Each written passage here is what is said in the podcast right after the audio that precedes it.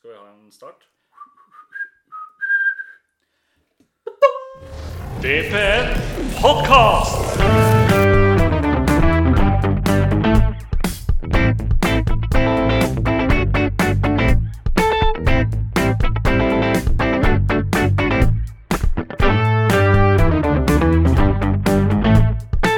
Velkommen til Vålerenga eh, på nett podkast.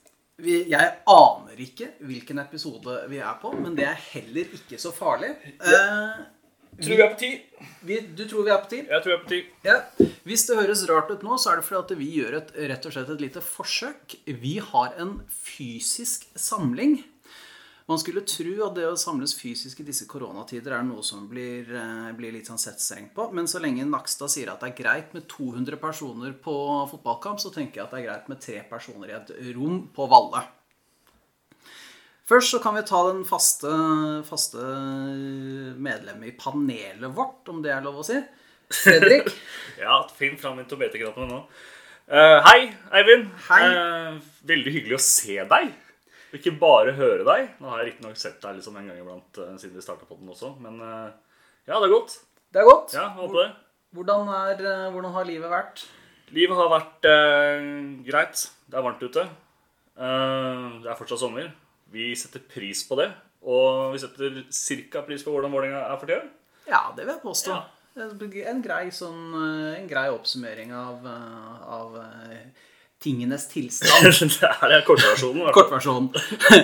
Vi har bytta ut eh, Håkon. Han, har, han er hjemme og lufter bikkja med ebola. Eh, Vi har bytta ut Håkon med Eller vi skulle egentlig ikke bytte Vi skulle bytte den ut, så skulle vi hatt noen andre her. Vi har fått en gjest, heter det. Og den gjesten, hun er kanskje mest kjent for å heie på Stoke. Hun er også kjent for å bli eh, irritert over at folk mener at hun er fra Hamar. Ufta. Hun eh, har akkurat fått seg en ny jobb. Og velkommen til deg, Mina Finstad Berg. Tusen takk. Veldig hyggelig og flott å være med her. Ja, det, jeg tenker at det er greit å liksom eh, utvide. Vi, har liksom, vi, vi liker å ha sånne eksperter på besøk. Nå hadde vi, vi hadde Kasper Wikestad her for en stund siden, og nå er det jo da deg, så da føler jeg at vi har begynt å dekke sånn TV2-aspektet i, i podden. Ja, det er hyggelig. Og så er det jo kjempefint for meg å være oppe på Valle, for jeg bor på Tøyen, så det er jo ikke lange veien å gå. Så jeg rusler opp i eh, finværet og veldig klar for å prate litt. Skravle. Ja, men så bra. Det vi har eh, tenkt til, å, tenkt til å gjøre i dag, er jo å snakke litt Kanskje ikke så overraskende. Vi skal snakke litt om eh, damelaget. Og se litt på status der, og glede oss litt eh, framover. De skal jo spille mot eh, Team Setskog Hørland Lillestrøm eh, SK eh, Strømmen. Strømmen Det kommer litt an på hva du ser på, tenker jeg. Romerike. Romerike. De skal spille mot uh, Skabb City, som de også de hadde uh, Hvis du søker på Skabb og Romerike, så dukker Lillestrøm opp. Vi gjør det. Ja. Så her, her er det mye moro. Vi skal snakke litt om herrelaget, og vi skal ha et helt nytt uh, segment, nemlig lytterspørsmål. Yeah. Det blir gøy. Hvis dere lurer på hvorfor det kanskje er litt romklang, så er det fordi at vi sitter i et rom som ikke er laget for å være studio i det hele tatt. Eh, Men sånn gjør man når man heier på Vålerenga. Det gjør man. Da tar man det man eh, Tar man litt sånn det man vil. Man gjør det. Eh, Vi kan jo hoppe rett på. Damelaget har hatt en relativt ålreit sesong. Må jo si det. De, per nå så topper de eh, toppserien med én kamp mer spilt og ett poeng over, eh, over eh, Er det vel Rosenborg? Rosenborg som for øvrig het uh, Trondheimsørn forrige sesong. Det er, det er jo litt spesielt, det også. Det var der Arendal, eh, Arendal Torp var nedtrener, ikke det? Det var det Andal. Ja, og så spiller de på Koteng Arena. Ja. Ja. Ivar Koteng, styreleder i, i Rosenborg, fant at han skulle sponse Trondheimsøren med å sponse arenanavnet, og da ble det Koteng Arena. Det er litt kult. Det skal jeg gjøre hvis jeg vinner veldig mye penger. Skal jeg ha Fredrik Lading Arena på Valle her. Ikke Klemetsrud, altså Klemetsrud stadion. Nei, nei, plutselig jeg skal Lading Arena. større enn som så. Ja, ok. Ja.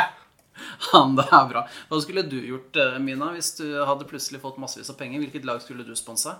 Nei, Da ville nok eh, altså, Der hvor jeg føler jeg kunne fått mest for penga, for jeg hadde sikkert ikke blitt kjemperik, jeg hadde sikkert bare blitt litt rik, så hadde jeg det nok gått til min eh, barndomsklubb, altså Lillehammer kvinnefotballklubb. For jeg er jo da ikke fra Hamar, men fra Lillehammer. Viktig forskjell. Og der tror jeg de kunne fått til ganske mye hvis man hadde spytta inn litt spenn. Så jeg vet at altså, Atle Antonsen prøvde jo en gang å få sponsa noen spillere på Lillehammer fotballklubb, altså herrelaget på Lillehammer. Eh, For da kunne man sponse konkrete spillere. Men jeg tror ikke han lykkes. Men eh, ja, nei, Lillehammer kvinnefotballklubb kunne fått en eh, solid sum av meg hvis jeg plutselig hadde vunnet i Lotto. Spørsmålet da er, Kunne man da ha sette sitt eget navn på spilleren også? Altså på, på kjøpespilleren sånn På samme måte som et en arena. Sånn Fredrik Lading spiller der. Ja, supert. Og der kommer Fredrik Lading der også. Helt nydelig. Det, er- altså, det, er, det er jo sånn Du hadde jo, du hadde jo noen forsøk på Det var vel Jeg tror kanskje det fortsatt er det på noen av disse sånn breddeklubbene, som Kristiansund og sånt nå, som eh, er, hvor enkeltspillere er sponsa av forskjellige eh, Av forskjellige eh, bedrifter og sånt nå. Ja, det er mye sånn ja, Ole Rubil på Hamar for eksempel, kunne ha sponsa liksom, en konkret spiller. sant? Men det er jo litt sånn som for, Da har du vært i Vålerenga tidligere, og når det er ja, vi kårer eh, kampens beste spiller som får liksom gavekort på Steakhouse og sånne varianter. Så det er mye fint rundt omkring. Hvis man da, altså, jeg tenker at hvis du da blir eh, kåra som, eh, som banens beste spiller, eller som laget ditt beste spiller, så du, eh, får du 10 000 kroner i gavekort av den sponsoren. Og da tenker jeg at da begynner det å bli litt sånn interessant igjen her. Da må du, da må du gjøre det attraktiv. Men jeg må si en ting som jeg syns har vært ganske kult eh, at man begynte å gjøre i Eliteserien, var jo det her greiene med at den som ble kåra til banens beste, fikk en sånn sjekk man kunne gi til en breddeklubb. Ja. Det syns jeg Tollås blant annet har jo vært med på det. Det syns jeg er skikkelig skikkelig fint. Fordi det er en del breddeklubber som har slitt ganske kraftig eh, pga. koronaen nå. Altså En ting er at du ikke får lov til å spille fotball. Eller driver med all mulig annen idrett som du holder på med. Men du taper jo ganske mye spenn på det òg. Og det har jo ikke så mye å gå på i en del klubber rundt omkring. Så det syns jeg egentlig er en fin ordning, altså. Ja, det er en fin ordning. Og det er bare sånn for å ta det litt videre. Nå snakker vi oss helt vekk fra det vi egentlig skulle snakke om. Ja. Sjokk og vantro. Men vi, eh, vi eh, eh, De snakker jo om nå at eh, hvis det ikke åpnes for eh, fotball nedover i divisjonene eh, de, har, de har laget en plan for å kunne fullføre seriene med opp- og nedrykk og alt mulig sånt nå. Men hvis det ikke blir satt i gang i løpet av første uka i september, så kommer de ikke til å avvikle noe under annendivisjon. Og det kan jo fort bli litt kritisk for en god del, god del klubber. Han var jo ganske irritert, han eh, Var det treneren, eller var det et eller annet sånn i Frigg? eh, som, eh, som var som, Nei, det er breddefotball. Og så mente han nei, er, vi spiller i tredjedivisjon, og vi har ni millioner i, I budsjett. i budsjett. Det er, Jeg ikke, tenk- det er ikke helt nedpå. Det, er på- det er på samme linje som Gutta Boys eh, fotball, FK. Ny divisjon, liksom. Det er litt andre forhold i tredje- tredjedivisjon. I hvert fall de burde i hvert fall få lov til å spille. Ja, ja. ja men det er, altså, det er jo Bare se på hvordan, eh, hvordan de har gjort det nå i eh, Eliteserien og Toppserien og alt det der. Det, det skal jo, de skal jo ha respekt og honnør for den jobben de har gjort. Absolutt. Jeg har jo vært på et par av toppseriekampene til Vålerenga. Og det har vært et veldig bra opplegg. Altså, det er veldig rart å drive og stå på annenhver rad og holde på og sånn. Eh, Sjøl om folk eh, har mye humor på det og driver og roper sånn eh, 4, 6, 8, 10, hvilke rader bruker vi? Partall, partall, partall og sånne varianter som jeg også setter stor pris på. Eh, Øl og antibac og Vålerenga. Eh, så, så er det jo så Det er rart å være på kamp, men det er likevel sånn at det, det er fullt gjennomførbart, da. Uh, og der har man jo vært heldig nok at på toppseriekampene så har det vært lettere å komme seg på kamp kontra eliteseriekampene, hvor du, jo- de, du stort sett må vinne i Lotto nesten for å få lov. Eh, så, så jeg syns jo at stemninga på Vålerenga sine kamper på damelaget har vært egentlig ganske bra, altså. Men det var jo en sånn fin også, sånn overgang til det vi egentlig skulle snakke om. Nå har vi brukt en halvtime på å snakke om noe helt annet, men det er fint. Tenker, status på damelaget. De har jo henta inn eh, en dansk trener. Og en god del eh, utenlandske toppspillere. Og noen eh, Så har de jo en god del, en del talenter. Blant annet så har de jo hun eh, Celine Biseth Husøy. Ildhusøy. Ildhusøy. Cubafoten. Kubafoten. ja, Cubafoten. Som nok blir en av de Kan i hvert fall bli en av de større. Du har jo faktisk sett litt av disse her kampene på stadion, Mina. Hva syns du? Så jeg var på kampen mot Kolbotn. Så var jeg på kampen mot Avaldsnes. Jeg har en jobb som gjør at eh, det er jo ikke alltid jeg er i Oslo. Eh, Veldig ofte så er jeg jo på jobb i Bergen, men jeg har i hvert fall fått eh, sett et par av kampene på stadion. Det som har vært felles for de to kampene, er jo at man har hatt litt svake førsteomganger.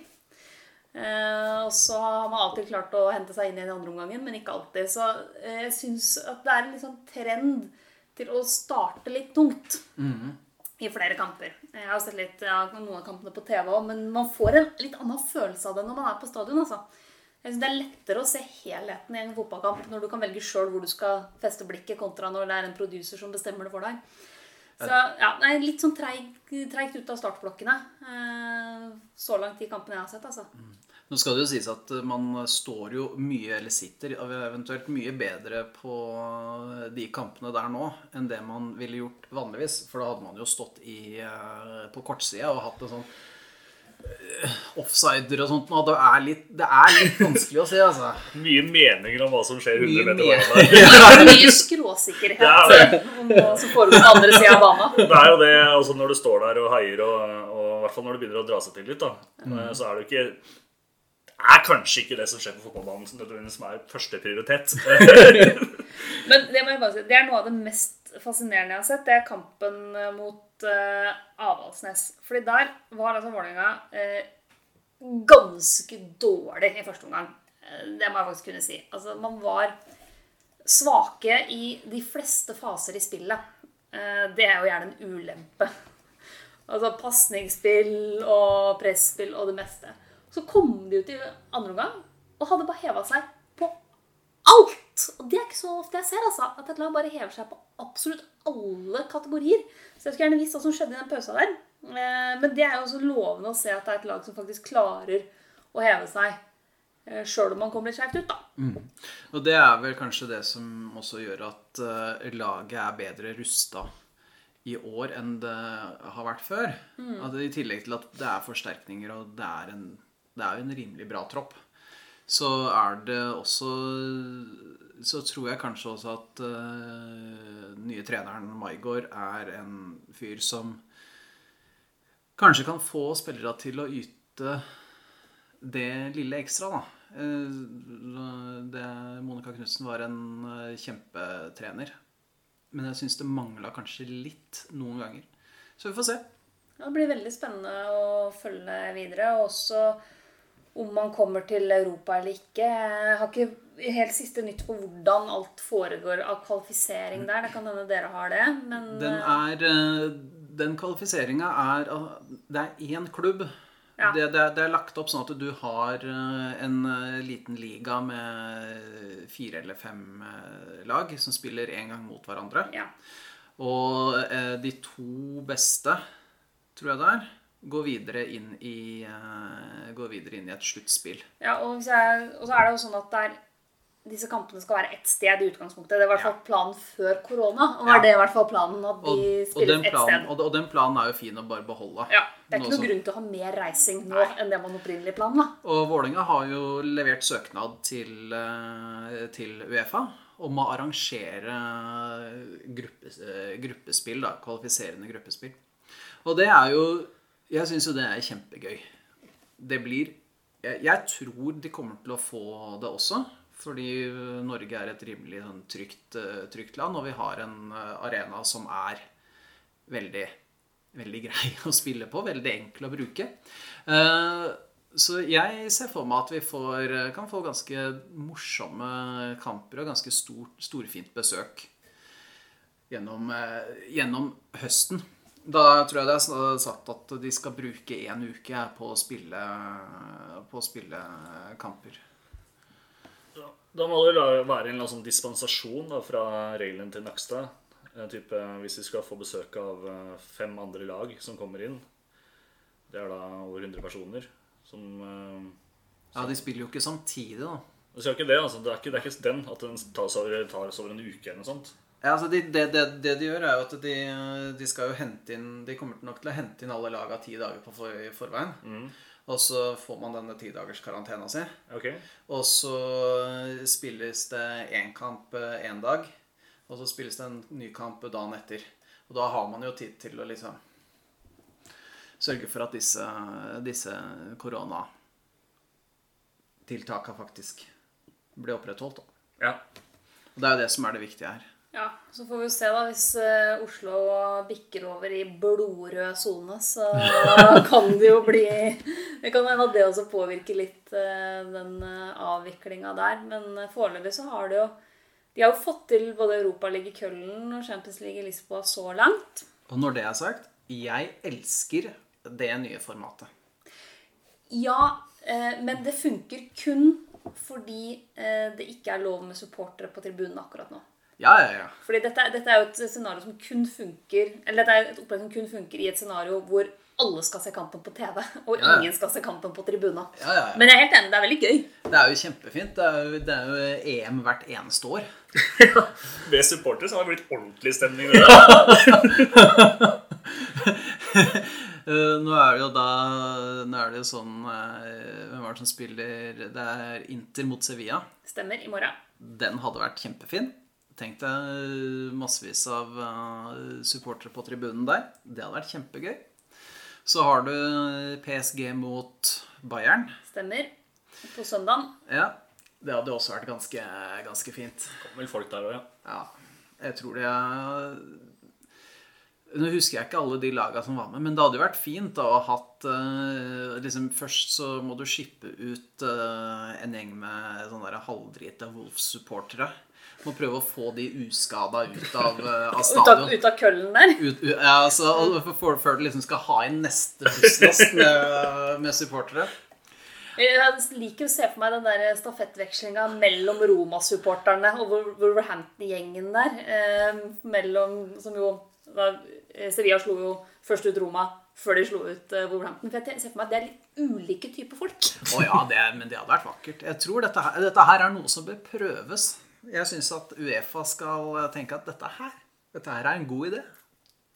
Ja, det Jeg syns det har vært helt fett. Ja, som Norway Cup for voksne. liksom. Ja, det å, masse folk og fulle, fulle hoteller. og ja, ja. Bra for næringslivet og bra for, Bra for næringslivet. næringslivet. Norway Cup for voksne. Ja. Rett og slett. Det er Jeg, jeg, jeg merker at jeg grøsser litt med tanken, men det, det får bare være. Eh, Men ja, vi snakka om, snakket om damelaget, og så snakka vi litt om, eh, om eh, eh, kvaliken deres. Eh, Men hvis vi holder oss litt på damelaget Nå mot, eh, mot eh, dette Trondheimsørn fra Rosenborg. Rosenborg avdeling Trondheimsørn. Jeg er litt usikker på hva man eh, Det er vel noe sånn Koteng-opplegg der også. FC Koteng. FC Koteng. Eh, Det var jo en match der hvor eh, damelaget spilte da mot FC Koteng. Da var det jo eh, var det vel snakk om at det var eh, I løpet av matchen så var det, hadde Vålerenga åtte utlendinger på banen. Ja. Er det, det Vi har jo snakka om en eh, altså Dette her har jo vært snakka om i Eliteserien før, at det, det er skadelig for utviklinga av, eh, av norske fotballspillere. Nå er det jo litt forskjell da, på hvor satsinga er i herrefotballen og damefotballen.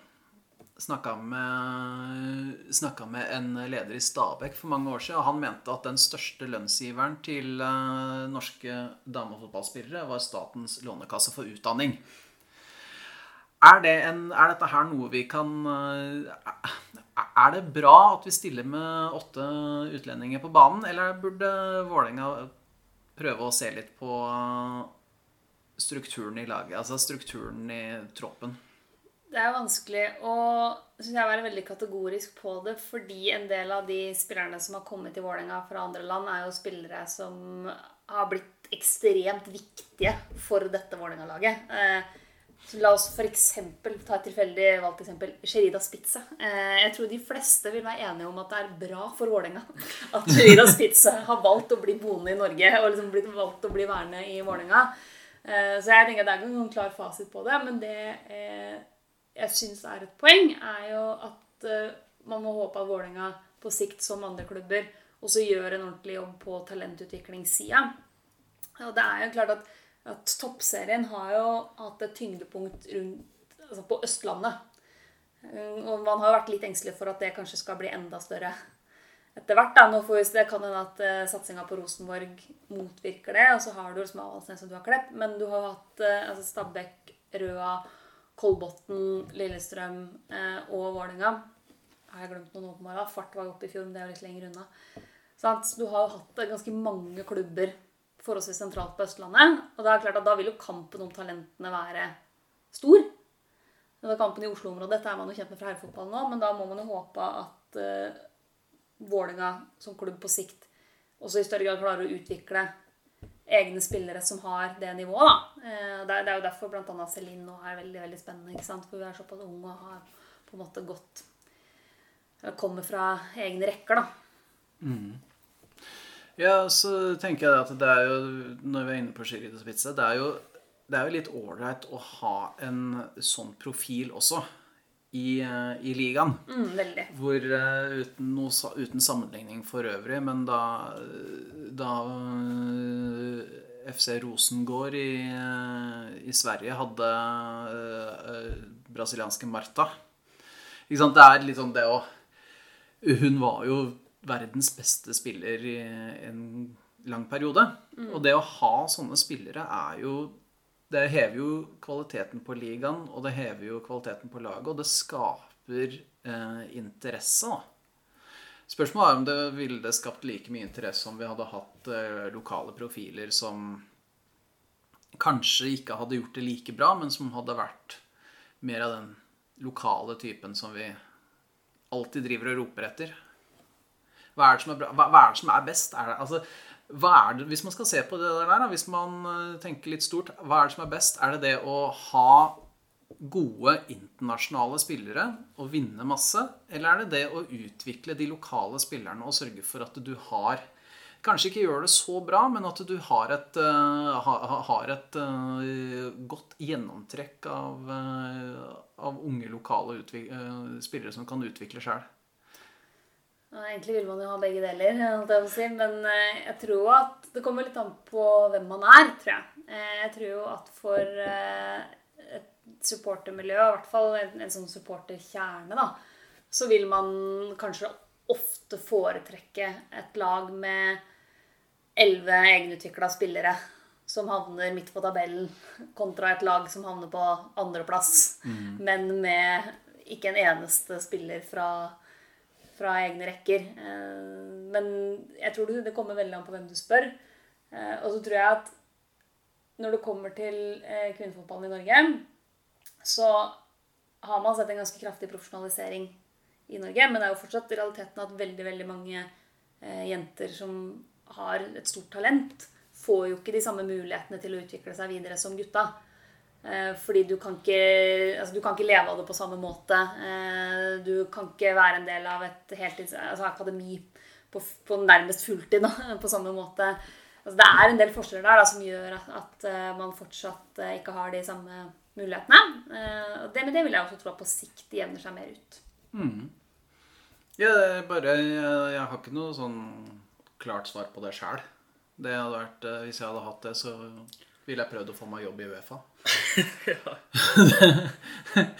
Men eh, det er jo interessant å se hvordan hvis, man ser på Lillestrøm, da, som har en god del norske spillere Men de er jo til gjengjeld også massevis av landslagsspillere som de har henta inn for å spille Altså for å liksom Ok, da, men vi hente, fordi vi har Per Berg i bakhånd, så kan vi faktisk hente inn disse spillere her. Jeg syns det er interessant å se hvilke, hvilke strategier prøver, hver, hver klubb prøver å ta, og hvordan det kommer til å utvikle seg. Tipper at vi kommer til å se flere norske spillere på Vålerenga etter hvert. Det blir vel litt sånn snakk om uh, hvor mye penger man vil bruke på det også. Det er vel kanskje dette det, hvis, nå har det jo blitt en satsing på, for kvinnefotball som, som er helt annerledes enn det det har vært tidligere. Eh, Så det er kanskje ikke naturlig at det er at talentene holdt, holdt eh, den eh, kvaliteten, da, hvis man skal si det, som kanskje var nødvendig for å kickstarte denne serien. Og at derfor så tar man inn mange utlendinger, og så blir det gøy å se på. Og så kommer alt satt til seinere. Så etter hvert så jeg tror det kanskje blir sånn nedtrapping etter hvert. da. Ja. Ja, det kan være interessant å se på. Eh, vi holder oss litt på LSK kvinner. For på lørdag så er det LSK kvinner mot Vålerenga. Det er jo et, eh, en kamp mellom eh, nummer én og nummer to. Der hvor Vålerenga per nå er nummer én. Men de leder ett poeng over, eh, det var over LSK kvinner. Vi sa RBK i stad, men det er jo feil. Uh, Vålerenga har 17 poeng, og Lillestrøm har 16. Hva, hvordan ender den matchen der, da? Mina, du som har eh, sett litt av fotballen.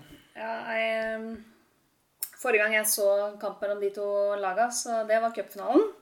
Det gikk ikke så bra med Vålerengas øyne, og veldig veldig bra med Lillestrøms øyne. Der ble Vålerenga rett og slett finta ut på, etter alle kunstens eh, regler.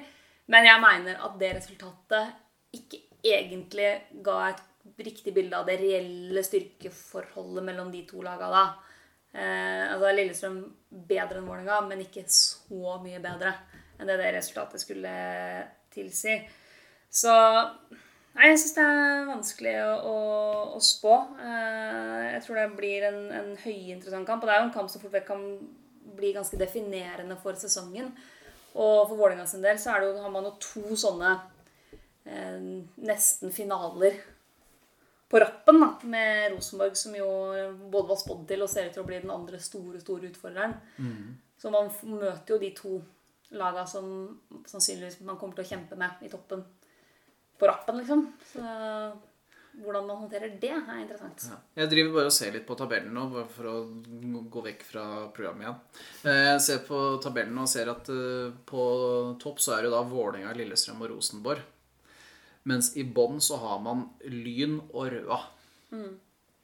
Én ting er Lyn. Lyn har jo aldri vært spådd noe sånn kjempe De har man kanskje ikke sett på som en sånn kjempestor utfordrer på, til toppen.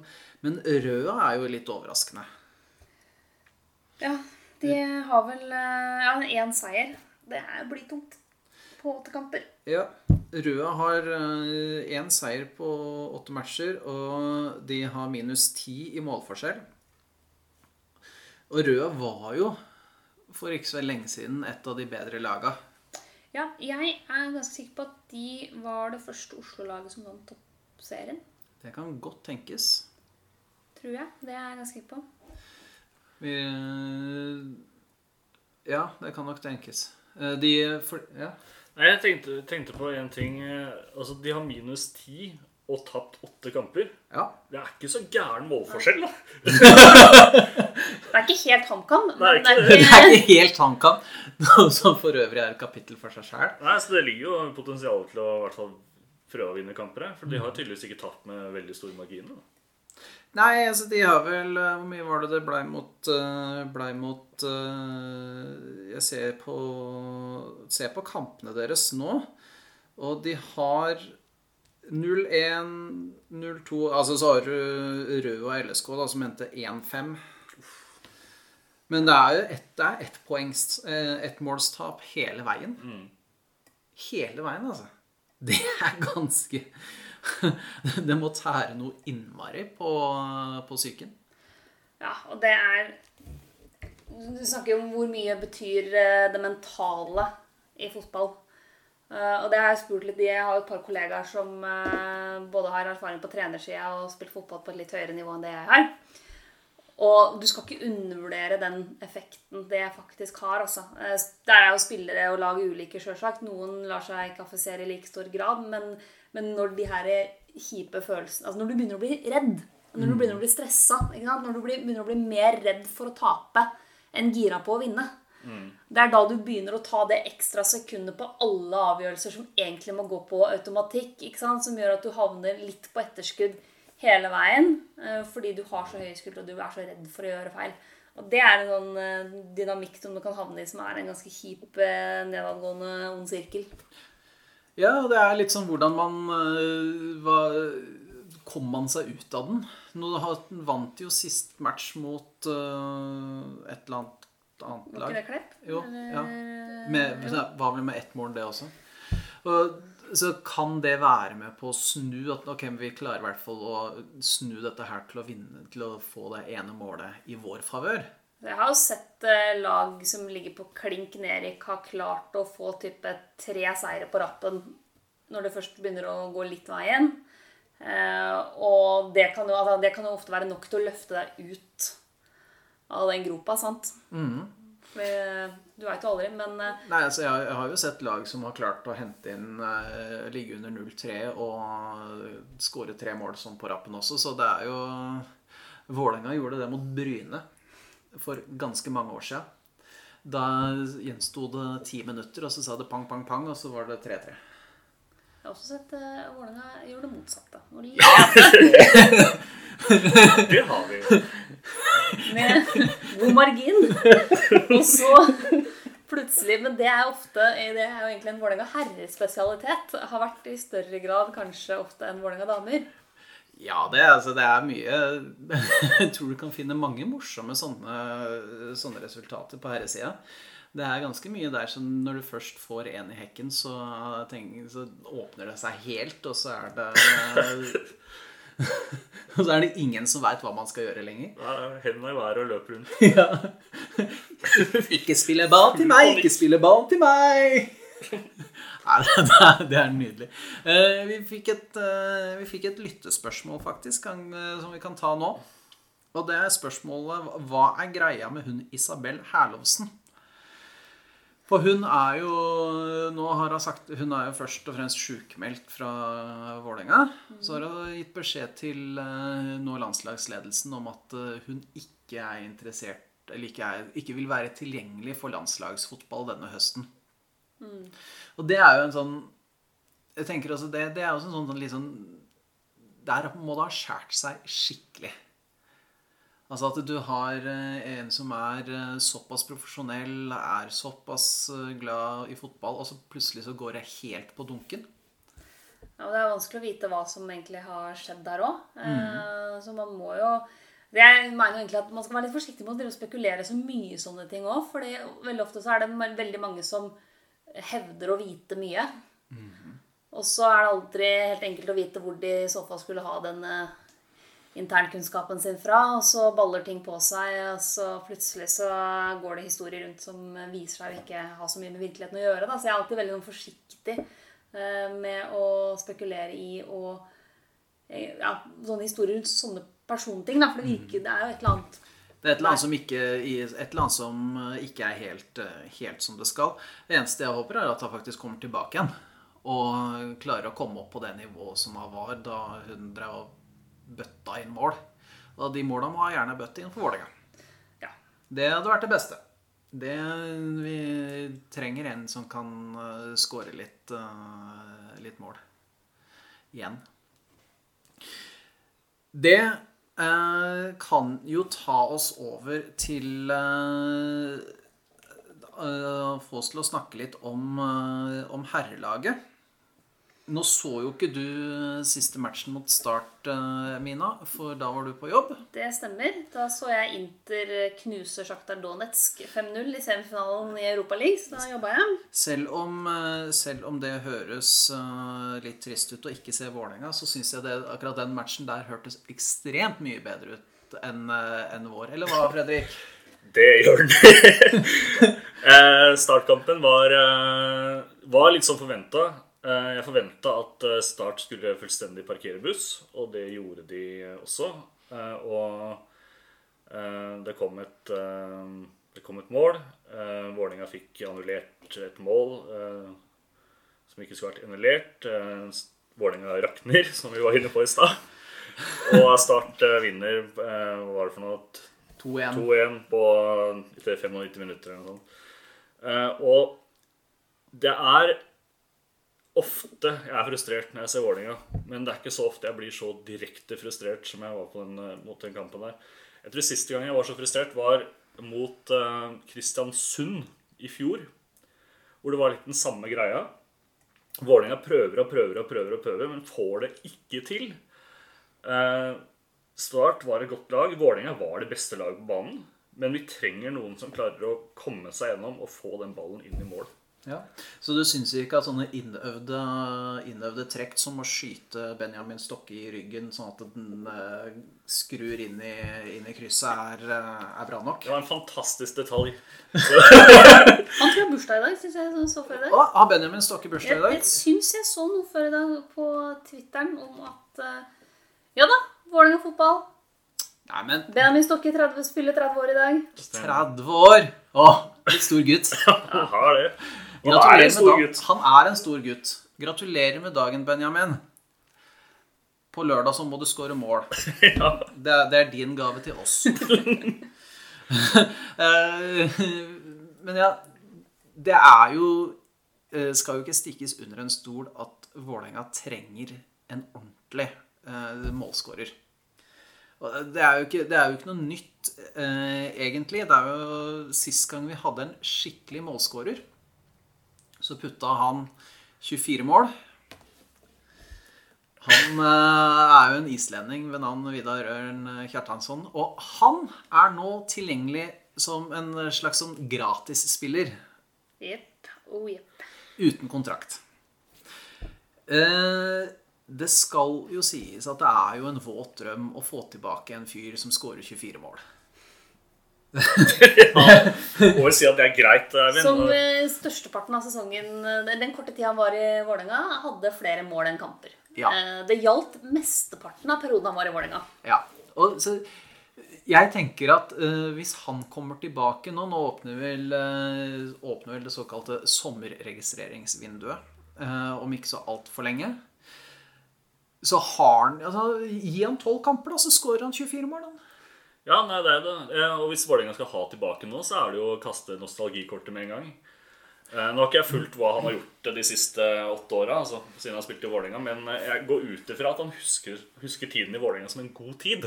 Ja, det- Han regel hvis hadde jo god flyt. Ja, han hadde grei flyt.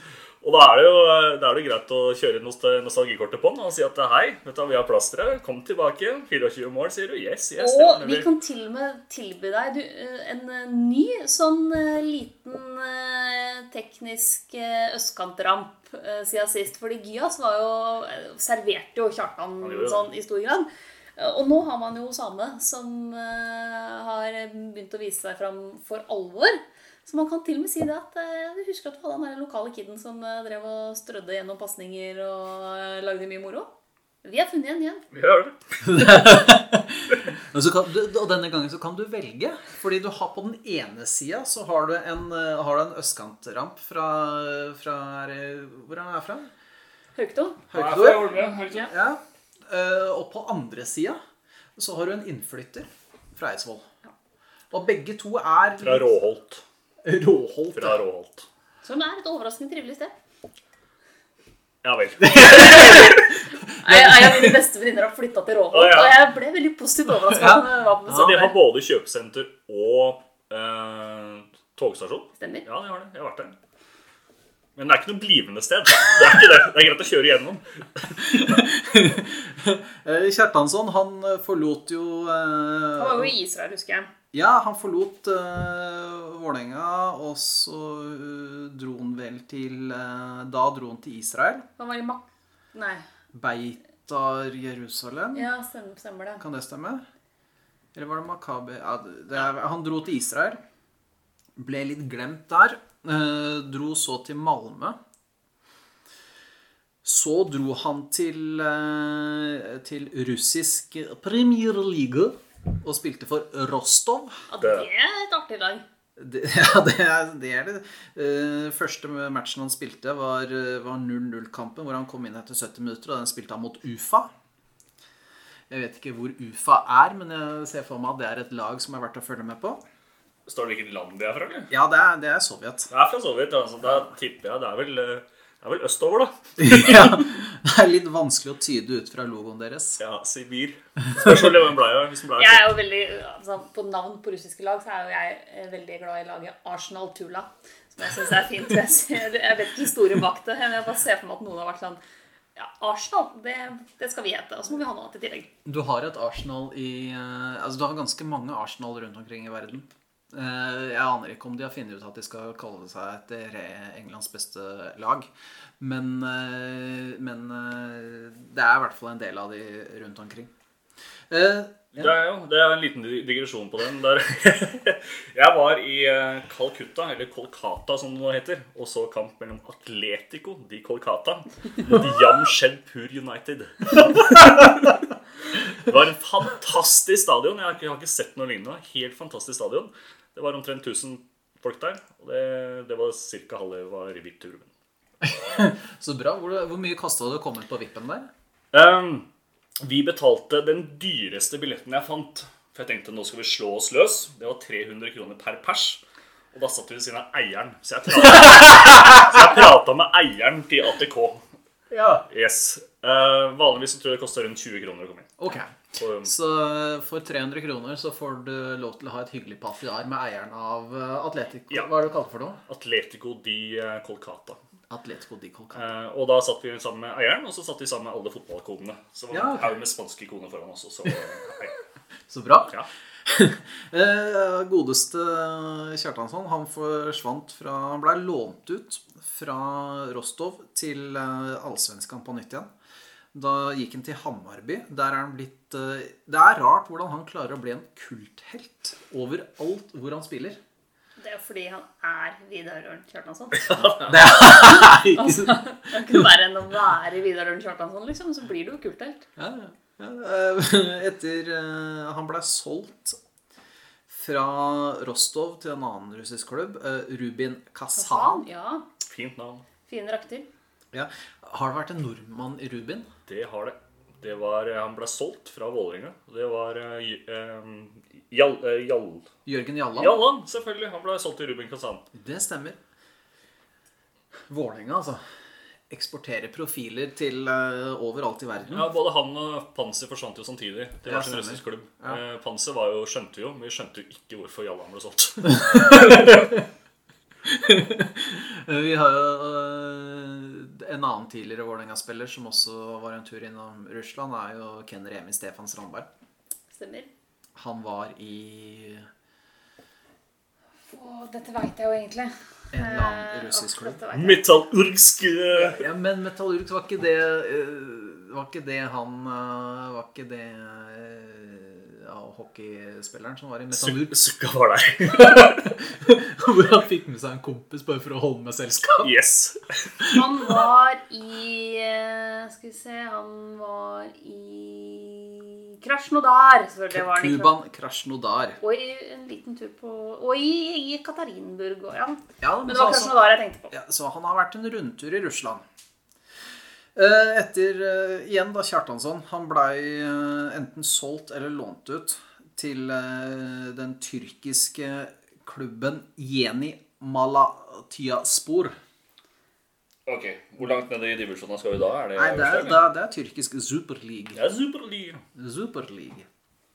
De hadde Jeg prøvde her å se om det var noen, var noen kjente, og det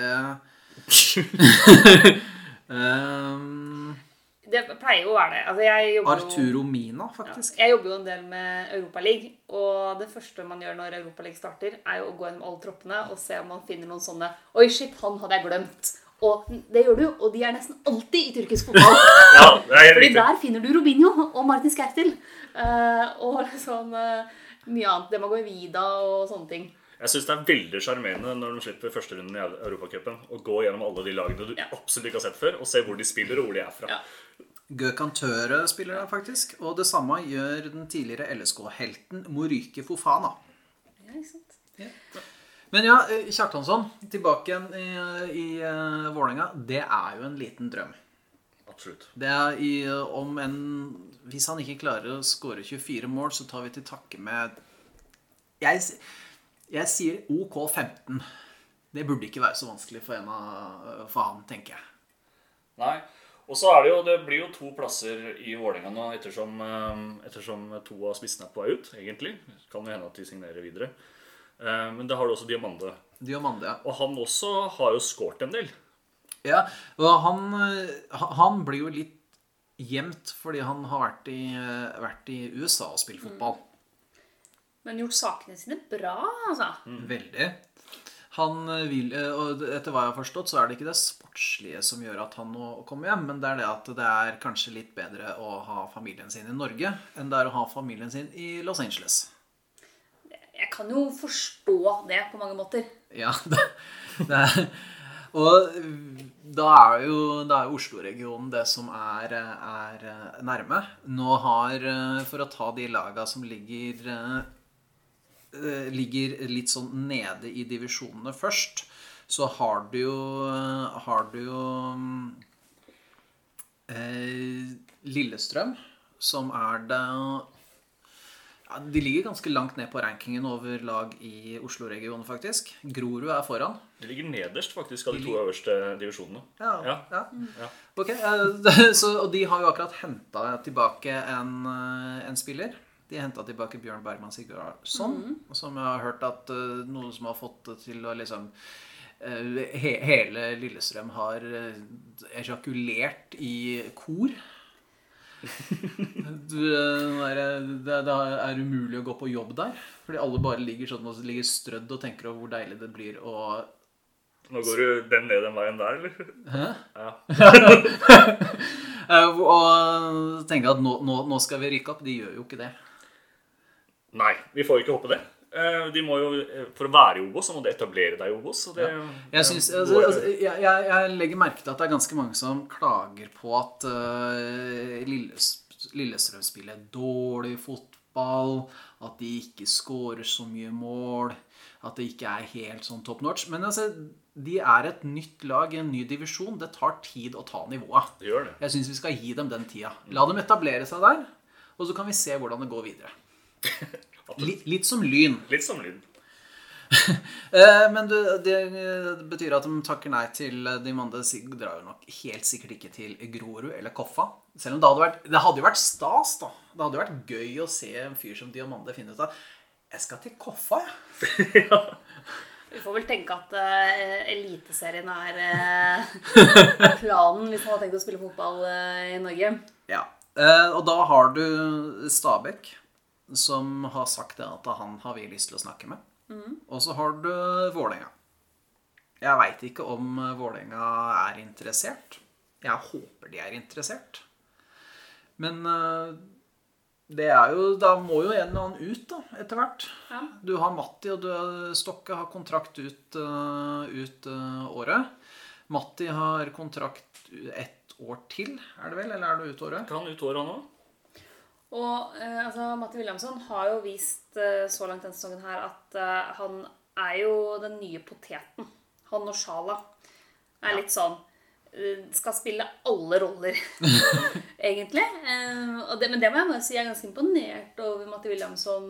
For en ting er når du, du signerer for en klubb med tanke om å skulle være midtspiss, basically. Eller være spiss. Det er det du som er planen din. Det er det du er.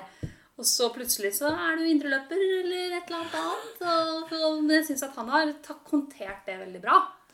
Ja. Men det vil jo bety altså, med de arbeidsoppgavene han har i Vålerenga i dag, så vil det jo bli eh, færre målpoeng. Absolutt. Det vil det jo bli. Absolutt. Eh, Men jeg syns han har, har løst det ganske godt, da. Jeg syns det er eh, Det jeg også liker med Matti, er det at han er en fyr som virker som han er For det første virker han tvers igjennom profesjonell. Veldig. Og han eh, virker som en fyr som klarer å trekke sammen laget når de altså, Han, har vært, vært så mye eh, Han har så mye bra erfaring at han liksom kan, kan gjøre det. Så for eksempel det å liksom Jeg, jeg tapte veddemål med noen kompiser, så nå må jeg bleike håret. Eh, Og det er jo en helt nydelig ting å gjøre i en spillergruppe som da kanskje trenger en liten sånn eh, En liten sånn Bare noe helt annet. Du forventer det når det kommer til Aron Dønnum. Du forventer det ikke når det kommer til Matti Williamson. Nei. Og det var jo Jeg vet ikke om, det, om Dønnum da kom på jobb uh, i treninga, og da sto Matti med sitt nye hår og tenkte at eh, Nei. de, vi kan ikke være to. Nei, men altså, Dønnum hadde jo farga håret sitt tilbake igjen til, eh, til vanlig. Hatt jeg på å si. Ja, det er nydelig. Det er nydelig. Han fremstår som en veldig fin fyr, Matti. Veldig. Jeg kjenner han ikke personlig, men eh, intervjuer, hvordan, eh, hvordan, han, hvordan det skrives om ham på, på klubben sin sider og sånne ting, eh, så tror jeg han er eh, veldig bra å ha der. Så jeg håper at de signerer han videre. Eh, Om han ikke bøtter inn mål, så tror jeg han er viktig for sånn Litt for kulturen i laget. Og der er, har vi jo gjort eh, Der har vi nå klart Det virker som vi har klart å rydde opp litt. da At vi har begynt å lage en At vi har snudd den litt sånn der dårlig, eh, dårlig lukta i veggene. Fjerna den litt, rett og slett, til å bare få prøve å bli noe positivt inn i hva, hva som er i garderoben. Så er det jo et Vålerenga-lag nå hvor det er en del eh, egne gutter, unge gutter som får sjansen. Eh, og det var det jo mange som sto og ropte etter i fjor da man da man skjønte at vi rykker ikke ned, men det blir ikke noe annet heller. på en måte. Eh, og egentlig bare tapte det meste. Altså, det var jo en høst der hvor man hadde litt utfordringer. Eh, så var det jo ganske mange som, som ba om at ja, kan, kan man ikke heller da gi noen av unggutta et innhopp her og der, da gir dem sjansen mm. når sesongen uansett er nesten over. Og det har man jo, altså, Hvis du tar bare siste kamp mot Start, da, så taper man. Men man taper med Man har Claesson i mål. Man har, apropos potet, eh, Felix på, på bekk. Eh, man har Nesberg. Eh, man har Osame. Man har for Dønnum, som jo også er eh, Selv om han er fra Eidsvoll, så er han jo fra Og det, og det så- Og en som, eh, og en som har eh, Jeg syns for så vidt at Ivan Nesberg har klart å ta det der eh, Jeg trodde ikke at han skulle bli så god så fort. Jeg må innrømme at jeg hadde kanskje avskrevet han litt og hatt han som et tredjevalg på, på stoppeplass. Men han har jo vist seg som en ordentlig god stopper nå. I tillegg så har du jo Borchgrevink mm. på bekken. Og du, vi begynner å få et godt fundament da, bestående av gode unge spillere. Og du har jo da som sagt Osame, du har eh, I tillegg så har du jo eh, de der unggutta som er på benken. Odin Tiago Holm, Odin Tiago Holm. for eksempel. Så er det jo også et par spillere som er eh, lånt ut. Altså Sander Wernie eh, er jo en av dem. Eh, du har jo Ja. Eh, man har jo ganske mange i første div nå, har man ikke det? Det er en del som er rundt der. Og det er det, og det, er det da. Altså, Brede Sandmoen ja. Han er en av de som jeg har blitt imponert av når jeg har sett på rekrutt. ja, fordi, og det, og det syns jeg er fint nå, at vi låner ut spillere til et uh, som vi har trua på. Som, uh, sånn som vi gjorde med Gias også, for så vidt. Som vi har trua på, og som kan uh, gjøre det bra i Som er for gode for andredivisjon, men som ikke er bra nok for Eliteserien. Og si det at vi kan da utvikle Hvis vi må selge noen da, så kan vi kanskje hente tilbake eh, Sander Wernie. Så ser du jo at eh, altså, de som er i, nedover i systemet, da, ser jo at uh, Claesson får muligheten tross ung alder. De ser jo at Borchgrevink nå er førstevalget uh, på bekken der. De ser jo at uh, Dønnum Ja, han var også på utlån, men han begynner jo å bli litt mer voksen nå. Men at han har fått sjanser og tatt dem og fått mye tillit. Og de ser selvfølgelig mm. Osame, som nå har gått fra å spille rekrutt i fjor, eh, fått være med i preseason eh, og oppkjøringa med laget, og imponert Fagermo nok til at han får noen innhopp og etter hvert blir en del av førsteelveren. da. At det er muligheter. ikke sant? Fordi det tror jeg har vært en utfordring i enkelte perioder tidligere. At jeg tror at man har mista en del spillere til andre klubber fordi det har virka som om man ikke har fått muligheten. da. Ja, det, synes jeg, og det er jeg helt enig i. At det virker som uh, altså, hvis jeg, det, det var vel også en sak om det for uh, lenge siden. Altså, Dagbladet liker jo å finne, uh, finne møkk om uh, Vålerenga. Og da hadde, Jeg tror det var Dagbladet eller VG som hadde en sånn sak. og da om at, det ikke ble satsa på lokale talenter i hovedstadens største klubb. Og det er jo litt sånn Nei, jo, men ja, kanskje. Men hvem er, hvem, hvem er det de eventuelt skulle dytta ut, da? De eh, gutta som blei ble stilt spørsmål der. Jeg husker f.eks., bare sånn for å ta en eh, kjempedigresjon eh, Skeid-spilleren Haitam Alesami. Han, eh, altså, nå spiller han for Hva er det han han Galatasaray? Nei, eh, Haitam var jo i, Frankrike, og så rykka han jo ned. Men sesongen var jo ikke For han har vært i Amiens. Eh, for han var et av de som rykka ned. Men sesongen var ikke ferdigspilt. Ja. Så mye fram tilbake. Men eh, han er vel fortsatt i Amiens, ja. Men Omar er har gått Ja, det var til. Galatasaray. Men da Haitam sammen da jeg så han spille for, for Skeid, så tenkte jeg at ja, en decent spiller. Han kan nok gjøre det bra i Eliteserien. Ikke noe mer. Og det er litt sånn Det, det, det er det, da. Altså, du ser Det man ser når de er unge, er nødvendigvis ikke det du ser når du får sluttproduktet. Og så er det også klart at dette er en feil jeg tror man veldig veldig ofte gjør med unge talenter. Eh, er at eh, Dette er litt sånn eh, kjepphest for meg, men altså, du ser en 17-åring, da. Eller en 18-åring. Så ser du hvor gode de er som 17-18-åringer. Og at de kanskje er langt foran veldig mange andre. Og så ser du kanskje den utviklinga de har hatt fra de var 16 til de var 17 til de var 18. Og hatt en kjempeutvikling. Og så tenker man automatisk at de skal fortsette med samme kurven. Ikke sant? Og så er det spørsmålet er hvor den kurven flater ut. Ikke sant? Når, når slutter de å bli bedre? Men det er veldig lett eh, når man ser et talent, at man, de blir litt som blanke ark. Da. At du, du kan på en måte putte alle mulige forventninger på dem. Og det er lett å se for seg at den der forbedringskurven bare skal vokse inn i himmelen. Ikke sant? Og Derfor er det veldig lett å, å mene at, alle, at veldig mange 18-åringer som ser lovende ut, eh, bør få spille masse med en gang og kommer til å bli superstjerner. Og så er det kanskje trenerne som har dem hver eneste dag. Ja. Og som følger dem nøye, og som vet veit hva som bor i huet på dem. Som er de beste til å ta den vurderinga. Kan det være litt andre veien også? At, eh, altså, man har jo eksempler på spillere som er til såkalte late bloomers. Som har vært nede og herja nede i andredivisjonen lenge, og så plutselig så bare Fader, her er det jo masse talent. Nå er du 27 år gammel. Kom opp! Og der veit vi jo annet at når på året du er født, har ganske mye å si. Det har Ja. Er du født i sånn som meg, 1. november, blir ikke, blir ikke superstjerne på fotballbanen da, gitt. Det er tre, tre fra november her, så alle kan vi skrive under på at eh, Er det derfor? Ja, det er derfor. Er det derfor jeg aldri blei ble den dødsbekken jeg prøvde å bli? Ja, ja. Bare fordi at jeg er født eh, i november? ja men vi som er født seint på året, er flinke til å sitte i sofaen og mene. Ja, men det er bra. Ja, men Ja. det, og det er jeg veldig flink til. Det er vi. Der er jeg dritflink. Eh, for å runde av rundt eh, herrelaget Det føles, så veldig formelt når man sier herrelaget. Men i hvert fall eh, Vi har en match på lørdag. Vi spiller inn dette her på torsdag. Som er hjemme mot, mot Sandefjord foran 200 tilskuere. Hvordan går det der, da?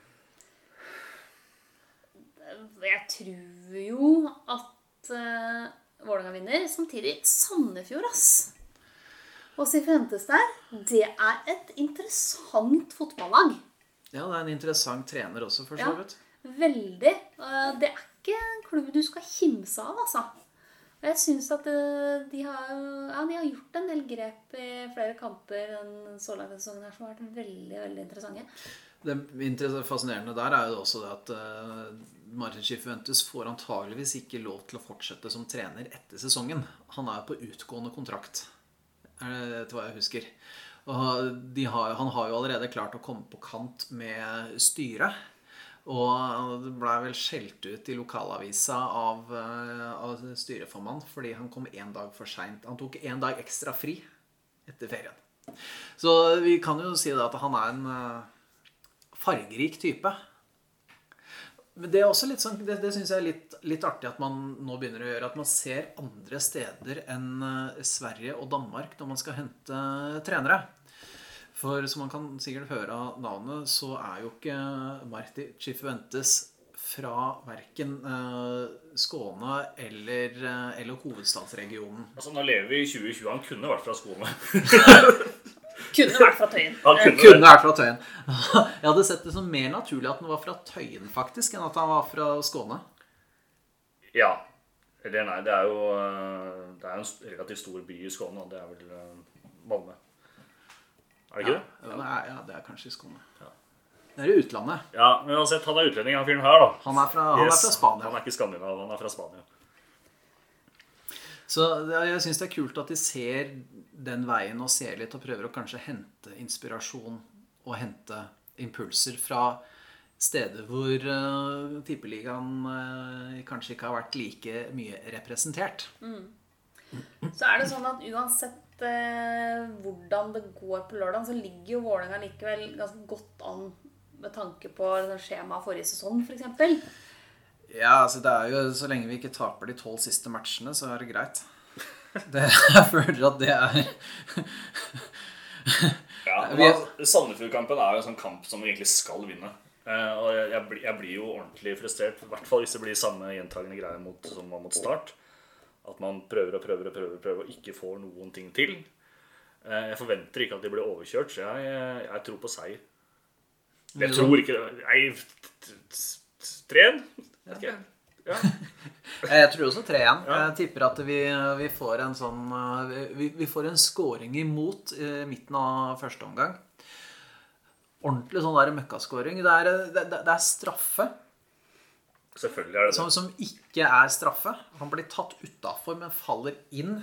Og så blir Jeg aner ikke hvem som skal dømme den matchen, men det er, det er jo egentlig ikke så farlig. De tar jo feil alle sammen uansett. Og så scorer på den straffen der. Og så legger de seg bak.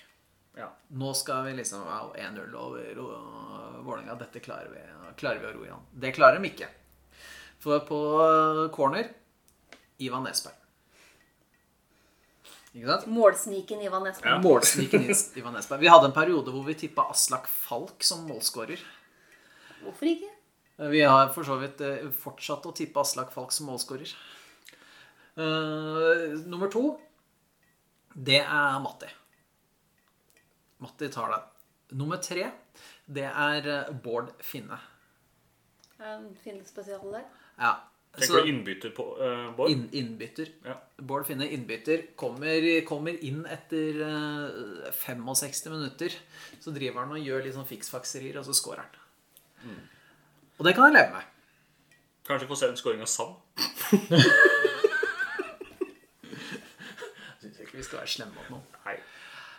Altså, Eventuelt så kan jo Fredrik Oldrup Jensen få den scoringa si, da, som han egentlig skulle hatt forrige gang. Han tar det på rumpa. Tar den på rumpa. Nok en innøvd. Ja, Nok en innøvd, ja. En Finne slenger den inn.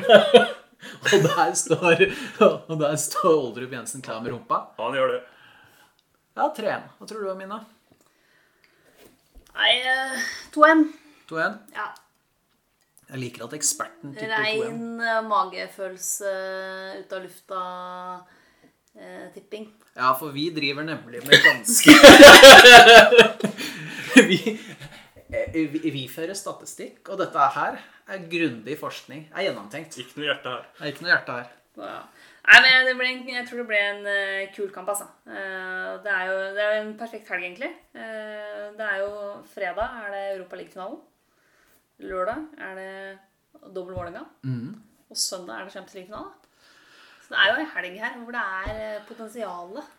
Den står, i, den, den står i fotballens navn For dem som skal se kampene. for dem som skal se. kampene. Jeg skal på kreftskiva Hva i alle dager i Viken. Ja, i Viken? yes. Så jeg får dessverre ikke sett hvordan det går. det, fort, fortell nå, Fredrik. Hva er dette? Kreftskiva, det er, en, eh, det er jo naturlig nok en svenske som arrangerer. Ja, Så det er, det er kreps og sånn pai. Og mye øl. Mye øl. Er, er, er denne svensken øh, Han bor i landet nå, ikke sant? Hun bor i landet. hun Hun er da gift seg med kompisen. Ok, så, så det er ikke noe sånn øh, Du blir liksom ikke sånn koronainfisert? Nei, jeg hadde jo ikke dratt på kreftskiva i eh, nabolandet. Det er Viken, da. Det er Viken. Men eh, det er vel faktisk bedre der oppe. Det er vi som er problemet, vi som bor i Oslo. Og Jeg tror ikke, altså, det er Altså, det er ikke Indre Østfold. Det er ikke Indre Østfold. Nei, altså, jeg ser for meg Viken som altså, For meg så er Indre Østfold bare sånn representativt for hele Viken. Nei, det er, det, det er ikke det. Viken er stort, skjønner du. Større enn Oslo, faktisk, i geografi. Ja, og innbyggertall. Uh, vi tar uh, Vi fikk noen jeg, jeg, Vi slang, slang ut en melding på Twitter om uh, lyttespørsmål. Eh, vi hadde vi, vi, vi fikk noen sånne generelle, generelle eh, punkt. Men det er én ting her jeg, Det er to ting jeg har lyst til å ta tak i. Det ene er Sander Wernie sin Fort Åråsen-tweet. Han, eh, Som god Vålerenga-gutt så scorer jo han mot Lillestrøm og sørger for at det blir 2-2 mellom storlaget Ull Kisa og breddeidrettsklubben Lillestrøm sportsklubb. Mm. Hva tenker vi om at eh, en Vålerenga-gutt scorer for Ull Kisa og etterpå slenger ut en litt sånn småironisk eh, Fort Åråsen-tweet? Trenger ikke å spørre om det. Det er helt herlig. Det er sånn det skal være. Jeg syns det er ganske fint. Altså, at du får en eh, at Nå hater jeg det uttrykket, men slenger noen meldinger. Det er det. Han skriver jo da eh, Hørte noen noe rykter om at man kom til et Fort Åråsen? Jeg så den tweeten. Eh, altså, jeg, jeg tenker Her er det en ung gutt som eh, allerede nå veit åssen han skal oppføre seg for å, å eh, tvitre seg inn eh, i Vålerenga-sporters hjerte. Ja, jeg er helt enig. Helt nydelig. Eh, Det andre vi fikk spørsmål om, var Amin Nori versus midtbanespillere på Bekkplass. Ja, det har jeg også lurt på.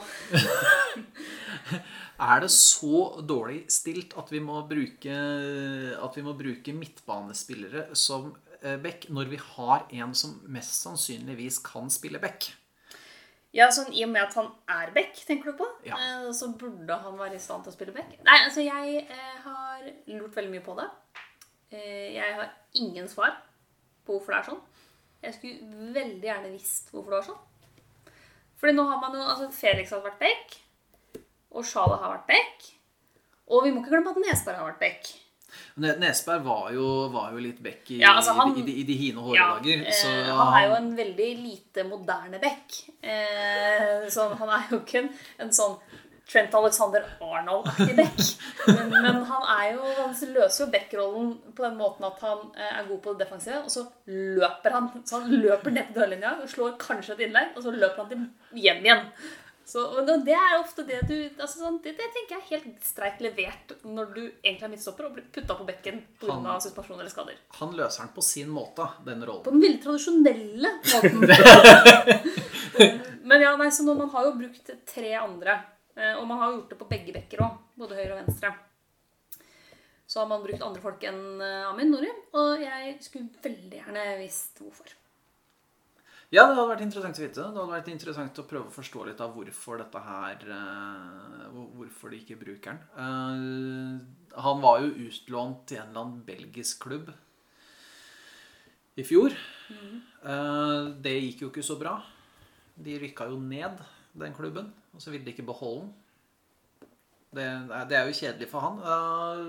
Så da kom han jo tilbake igjen. Da. Da, etter det så har han jo ikke gjort så veldig mye annet enn å spille på andre laget.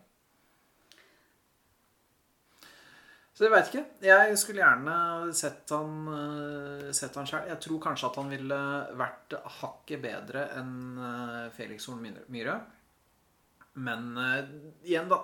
Da får man jo brukt en uh, 20-åring istedenfor en, uh, istedenfor en uh, 30-åring. 30-åring.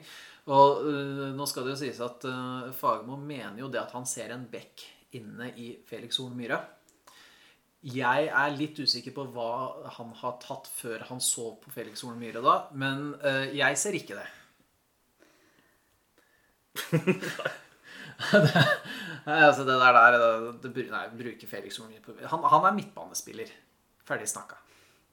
Så fikk vi en, en til her eh, som jeg har litt problemer med å, å svare på, fordi at jeg ikke har oversikt over alle unggutta. Av alle unggutta U20 som har forlatt klubben de siste tre-fire åra, hvem, eh, hvem bør vi følge ekstra nøye med på, eh, for å vurdere å hente hjem? Det er det Arnfinn Storsveen som lurer på. Eh, Arnfinn eh, gikk året over meg på Lillehammer videregående, eh, så han kjenner jeg faktisk. Ja, der fikk du den, Arnfinn. Ja, eh, takk for sist. Det blir- noen år siden.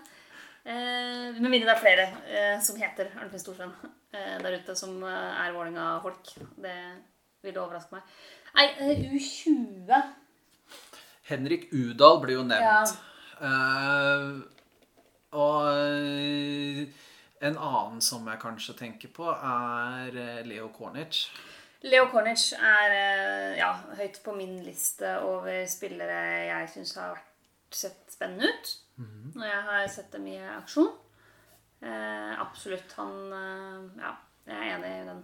Eller så tenker jeg også at Morten Berre, Evig unge. evig Ja. unge Morten Berre, uh, burde kanskje vurdere å hentes tilbake. Aldri for seint for Morten Berre.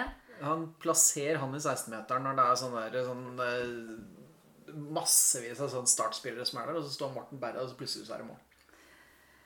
Jeg ser om det er noen jeg har noen åpenbare jeg har glemt som har, eh, har dratt som er Men det er, de har liksom blitt eldre, mange av dem, vet du. Det er naturlig, da. Ja, de har det. Bortsett fra Morten Berre. Bort, bortsett fra Nei, Morten han er fortsatt like ung.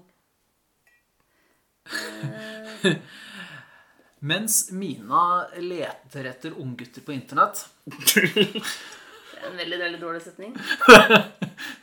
som har spilt i Vålerenga, eh, så eh, tenker jeg kanskje at det er på tide å runde av. Det var veldig hyggelig å ha deg her, eh, Mina. Ja, det var hyggelig å få være med. Ja, det, vi får se om du overlever tur til, turer til Bergen framover. Jeg er spent på hvor lenge vi får lov til å drive og reise fra blodrød Oslo og rundt omkring i resten av landet. Men enn så lenge så sitter jeg der med munnbindet mitt jeg, og oppfører meg så pent jeg kan. Bergen er vant til pest, vet du, så det er ikke så farlig. De kjenner til det. Ja, det er, det er kanskje det de ikke er. Her er en båt. Den har pest. Slipp den inn. Og så gikk det, så gikk det noen år, og så var det på, på tide å finne, finne ut hvem som hadde skylda. Det er bare å peke på Bergen. Eh, det var hyggelig å ha deg her. Eh, vi skal vel fortsette å finne ut hvem vi skal invitere neste gang, eh, Lading. Det skal vi. Eh, hvis dere har eh, spørsmål og eh, kommentarer, så er, er det lov å tagge oss på, på Twitter. Eh, det er også mulig å skrive kommentarer på, i kommentarfeltene våre på Facebook. De leser vi kanskje ikke så ofte som vi leser på Twitter, men det er en annen sak. Eh, Så da er det vel egentlig bare å si som eh, profilerte politikere, da. Eh, Lik og del. Er det ikke det? Det er det. Så takker vi for oss, og så var det hyggelig at dere hørte på. Ha det godt. Ha det godt. Ha det.